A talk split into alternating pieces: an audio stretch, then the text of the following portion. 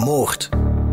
Het opzettelijk en met voorbedachte raden doden van een medemens. Het is het zwaarste misdrijf dat iemand kan begaan. We zijn er op een akelige manier door gefascineerd. Hoeveel romans, films en andere verhalen behandelen dit duistere thema? Helaas is moord niet altijd fictie. Integendeel. Er wordt gedood uit passie of jaloezie, uit wraak, lust, voor geld of botweg uit haat. In deze reeks analyseren we verschillende ophefmakende Limburgse moorddossiers, van plaatsdelict tot veroordeling. En gaan we op zoek naar de motieven die in het verknipte hoofd van de dader zijn gruwel rechtvaardigen. Ik ben Geert op Teinde en dit is Van Moord tot Verdikt. Episode 10 Dodelijke heimwee. S'nachts is uh, de lokale politie verwittigd. Uh, de brandweer, er bestond een voertuig in brand in de plantage in Nieuwerkerken. Die nacht, dat is 2 juli 2006. Een zondagavond, vier minuten voor middernacht. Bij de brandweer van Sint-Truiden komt een oproep binnen. Een man die zich in de Diestersteenweg in Nieuwerkerken bevindt, meldt dat hij een rookpluim ziet opstijgen. De melder is kalm, niet wetende welk drama achter het vuur schuilgaat. Hij vermoedt dat er slechts struiken en gras in brand staan. De dispatching noteert de informatie en roept de brandweermannen op. Vegetatiebrand, zo verschijnt op hun bieper. Wanneer ze de Vlammenzee naderen, zien ze echter dat het ernstiger is. Een wagen staat een lichter laaien en de lokale politie en de brandweer vermoeden kwaad opzet. Na de bluswerken wordt de wagen getakeld en bij de brandweer achtergelaten voor verder onderzoek. Pas dan doen de hulpdiensten een gruwelijke ontdekking. En dan zijn wij, uh, of eerst en vooral de ploeg van permanentie van de FGP, verwittigd. Uh, de permanentie is ter plaatse gegaan en dan uh, wordt het moordteam ingeschakeld. Dan is er vastgesteld dat het een brandend voertuig was met twee lijken in. Waarna de technische vaststellingen zijn gebeurd, de afstapping is uitgevoerd. Dus wij zijn dan s morgens op de dienst uh, toegekomen en uh, zijn op de hoogte gebracht uh, tijdens een briefing van het gebeurde, wat s'nachts is vastgesteld. En dan werden de taken verdeeld. persoonlijk ben ik dan naar de lijkschouwing gestuurd bij de wetsdokter in Antwerpen. daar waren twee lijken, tamelijk verkoold. De man aan het woord is een voormalige speurder van de federale gerechtelijke politie in Limburg. Hij wordt na de eerste vaststellingen belast met het onderzoek en reconstrueert voor ons de feiten. Op zijn vraag blijft hij anoniem in deze podcast. Bij, tijdens het onderzoek bleek dat het uh, ja, twee vrouwen waren van verschillende leeftijden. Dat kon onder andere vastgesteld worden aan het gebit. Uh, de lijken waren dusdanig verkoold dat uh, bij de ene nog enkel een druppeltje vocht in het hart werd waargenomen en uh, bij de andere uh, een druppeltje vocht in uh, de blaas. Dus die waren dusdanig verbrand, de handen en voeten, dat was allemaal weg. we wisten in eerste instantie totaal niets van de identiteiten. Veel heeft de politie dus niet om mee aan de slag te gaan. Toch geeft de autopsie het geslacht en een zeer ruime schatting van de leeftijd van de twee slachtoffers prijs. Het geslacht wordt dan bepaald, ja, dat, dat wordt sowieso, kan vastgesteld worden aan de hand van het bekken. Uh, tijdens de lijkschouwing zelf verneemde bepaalde resultaten. Zoals uh, aan de tanden kunnen ze bijvoorbeeld zien, de slijtage van de tanden, of het een jonge persoon is ja of nee, of ze melktanden hebben ja of nee. Dus daar kan al ongeveer een bepaling gedaan worden van de leeftijd. De verkoolde lichamen blijken jonge vrouwen te zijn. De onderzoekers schatten de leeftijd van de jongste vrouw tussen de 17 en 20 jaar. De andere zou tussen de 25 en 35 geweest zijn. Hun identiteiten blijven nog steeds een raadsel. Terwijl meer gedetailleerde resultaten van de lijkschouwing op zich laten wachten, richt de politie het onderzoek op de uitgebrande auto zelf. Uh, dus het uitgebrande wrak is ook onderzocht. Uh, via het chassisnummer konden we opzoekingen doen en zijn we uiteindelijk op de markt, automarkt in Luik terechtgekomen. Daar zijn mensen verhoord op de automarkt eh, in Luik en zo is ook uh, die verkoper uh, uiteindelijk gevonden. Daar werd onderzoek gedaan. Daar werd een robotfoto opgesteld van de koper. van het voertuig. Uiteindelijk was die vergelijking van de, tussen de robotfoto, tussen de dader en de robotfoto was eigenlijk niet zo gelijkend. Dus dat is heel moeilijk. Er is ook een, pa een paar uh, een tijd in daarover gaat. Maar het technisch sporenonderzoek op de wagen levert intussen wel nieuw bewijsmateriaal op. Hier is duidelijk sprake van een ernstig misdrijf. Het voertuig was gemanipuleerd. Uh, het is te zeggen, de handvatten aan de binnenzijde van het voertuig waren verwijderd, zodanig dat degene die in het voertuig zat het van binnenuit niet konden openen. Uh, de vraag of ze gekneveld waren, dat, daar konden we niet op antwoorden, omdat de handen en voeten dusdanig verbrand waren. Alles wijst op moord, maar de zaak oplossen lijkt voorlopig onbegonnen werk. De robotfoto waarvan daarnet sprake levert geen spoor op naar de eigenaar van de gemanipuleerde wagen. De identiteiten van de vrouwelijke slachtoffers zijn niet bekend en nergens zijn twee dames als vermist opgegeven. Een klein hoopje verbrande brei blijkt uiteindelijk het ontbrekende puzzelstukje. Er werd nog een eh, heel kleine restant van kledij aangetroffen uh, op de lijken. Maar dan, wat heel belangrijk in het onderzoek is gebleken, dat is een verbrande portefeuille. Die aangetroffen werd op de oudste vrouw. Die, die, we, die we op dat moment nog altijd niet geïdentificeerd hadden. die portefeuille die werd heel belangrijk omdat we dat later hebben kunnen opsturen naar het gerechtelijk laboratorium van Nederland, Rijswijk. En daar hebben ze uh, blaadje voor blaadje, dus als je een portefeuille hebt, uh, dik opeengepakt, daar kan geen zuurstof aan. Dus hebben ze in, de, in het laboratorium de blaadjes één voor één moeten afpellen, als ik het zo mag zeggen. Dus stukje voor stukje dingen. En daar, uit die restanten hebben ze, uh, is, in het onderzoek hebben ze gedeeltes kunnen uithalen. Dus daar kwam uit een gedeelte van een identiteitskaart van Rwanda een papiertje met het embleem van de top van de RVA van Luik. Uh, van, ja, van Luik. En dan nog een gedeelte, een uh, papier waar fragmenten op stonden van uh, letters, zal ik maar zeggen. Bijvoorbeeld Are, Mana. De politie kan vanaf nu aan de slag met drie belangrijke aanknopingspunten. Ze hebben een stukje van een Rwandese identiteitskaart, een document met het embleem van de RVA in Luik en een papiertje met fragmenten van letters ARE en MANA. We zijn met heel weinig info uh, begonnen, dus die gegevens van die portefeuille. Uh, wij hebben aanvankelijk uh, via het Rijksregister proberen te werken. We zaten met Luik, RVA, Rwanda. En die paar letters uh, dan zijn we aan de slag gegaan in het Rijksregister. Aanvankelijk uh, hadden we een hele lijst van. We wisten dat het vrouwen moesten zijn. We wisten ongeveer de leeftijd van de slachtoffers.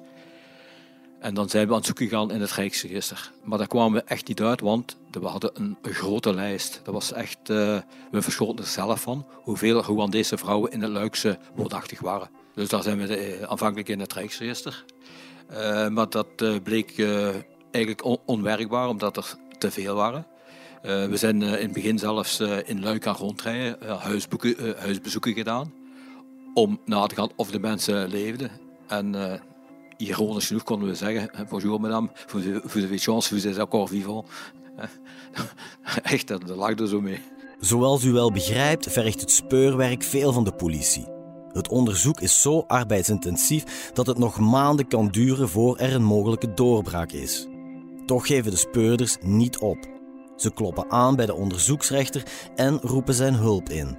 Maar dan uiteindelijk uh, hebben we aan de onderzoeksrechter een, uh, een bevel gevraagd of een opdrachtje gevraagd om aan de diensten van de RVA van Luik een lijst te krijgen van de Rwandese vrouwen die stempelden.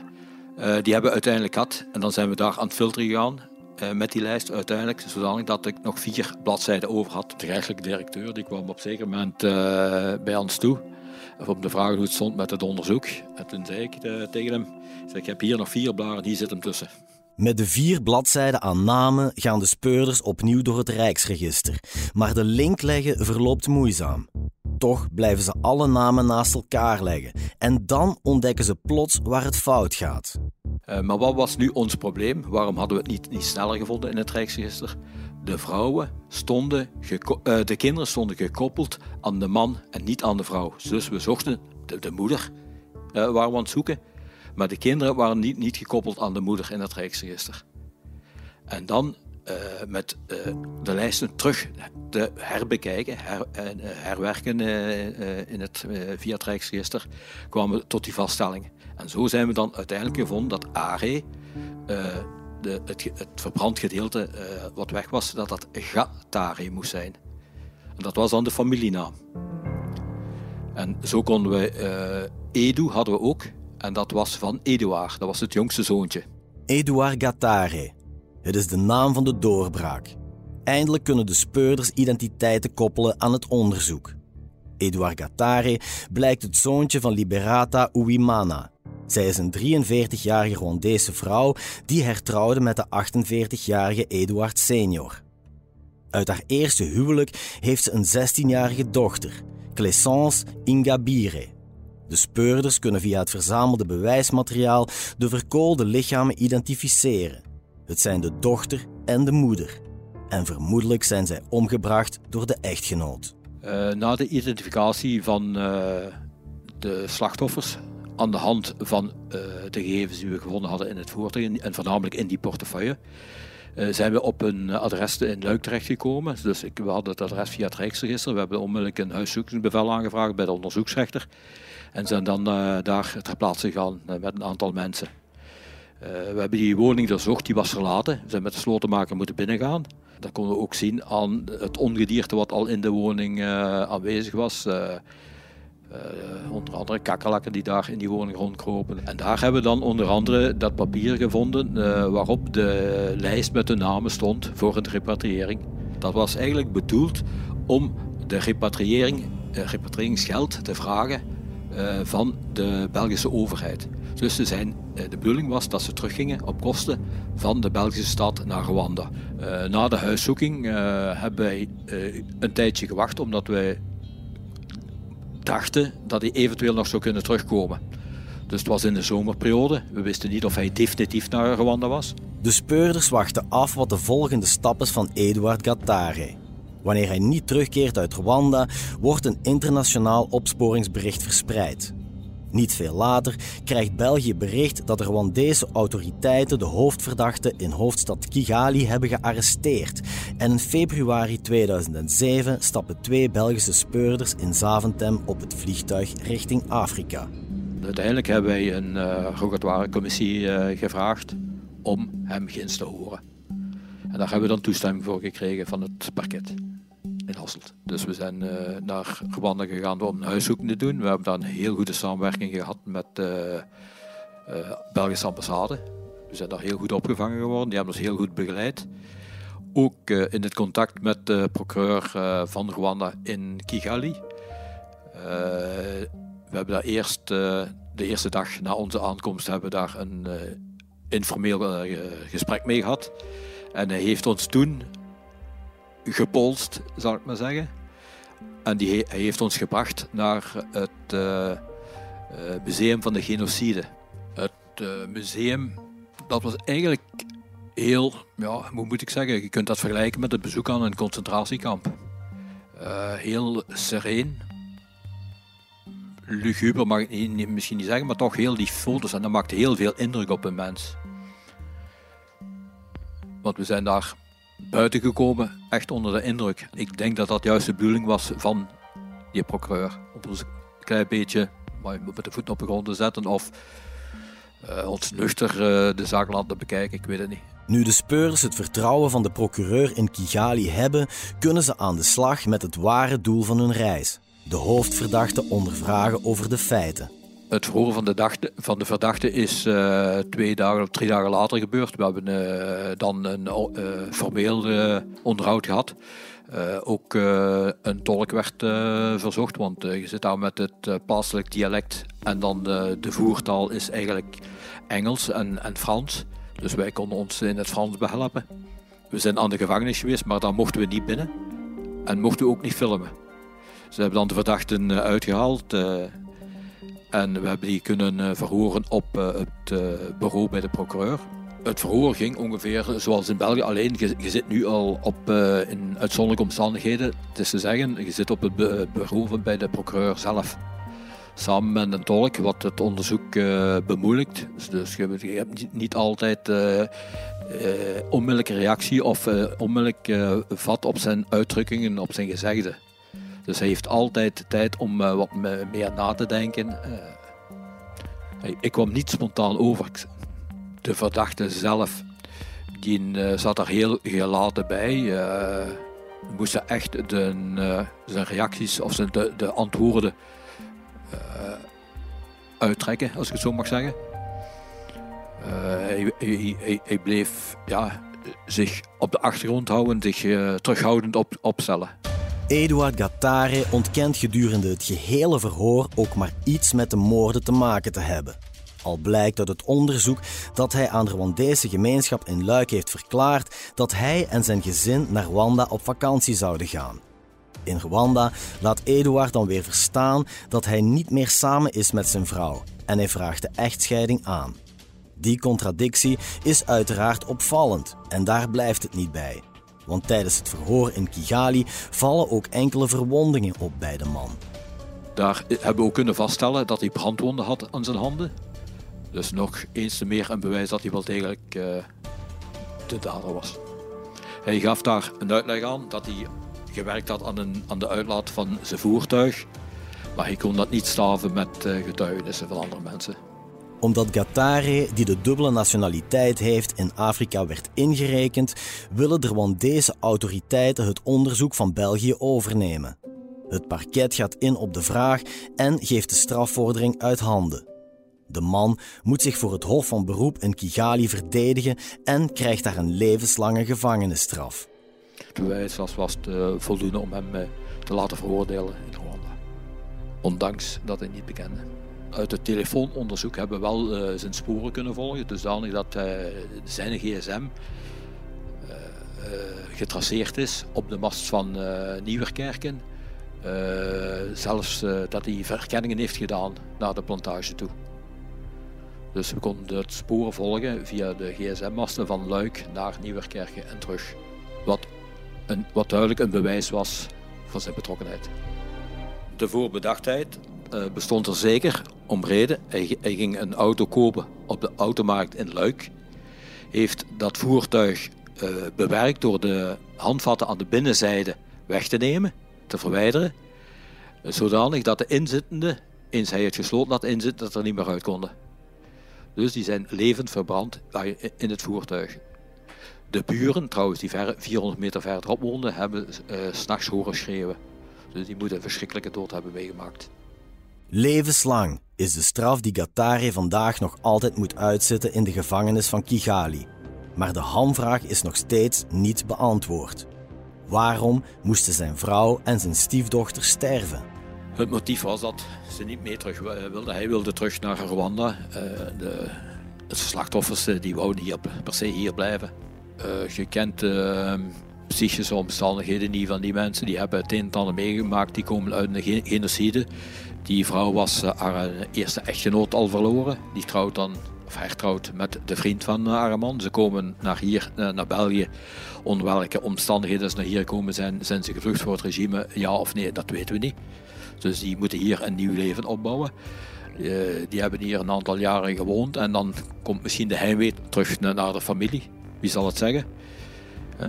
En die moet dan toch wel per se, of voor hem, dat, hij niet kon aarden. Hij, hij, kon hier in, in, in Luik niet aarden. En daarom wou, daarom wou hij per se terug naar Rwanda. En zij vond het hier wel goed en zij wou blijven. Wat was het probleem? die eh, spanden samen tegen de vader. En dit, dat is dan ook eh, het motief geweest, of de reden geweest waarom uh, dat zij uh, moest verdwijnen. U luisterde naar Van Moord tot Verdikt, een true crime reeks van HBVL Podcast. Samenstelling door Geert op Teinde, Nancy van de Broek, Filip Perges en coördinator Cato Poelmans. Montage en audioproductie door Len Melot en Glenn Legijn. Chef podcast is Geert Nies. Reageren? Dat kan via podcast.hetbelangvanlimburg.be. Ben je benieuwd naar meer nieuws en verhalen? Surf naar hbvl.be slash voordelig en ontdek onze voordelige leesformules.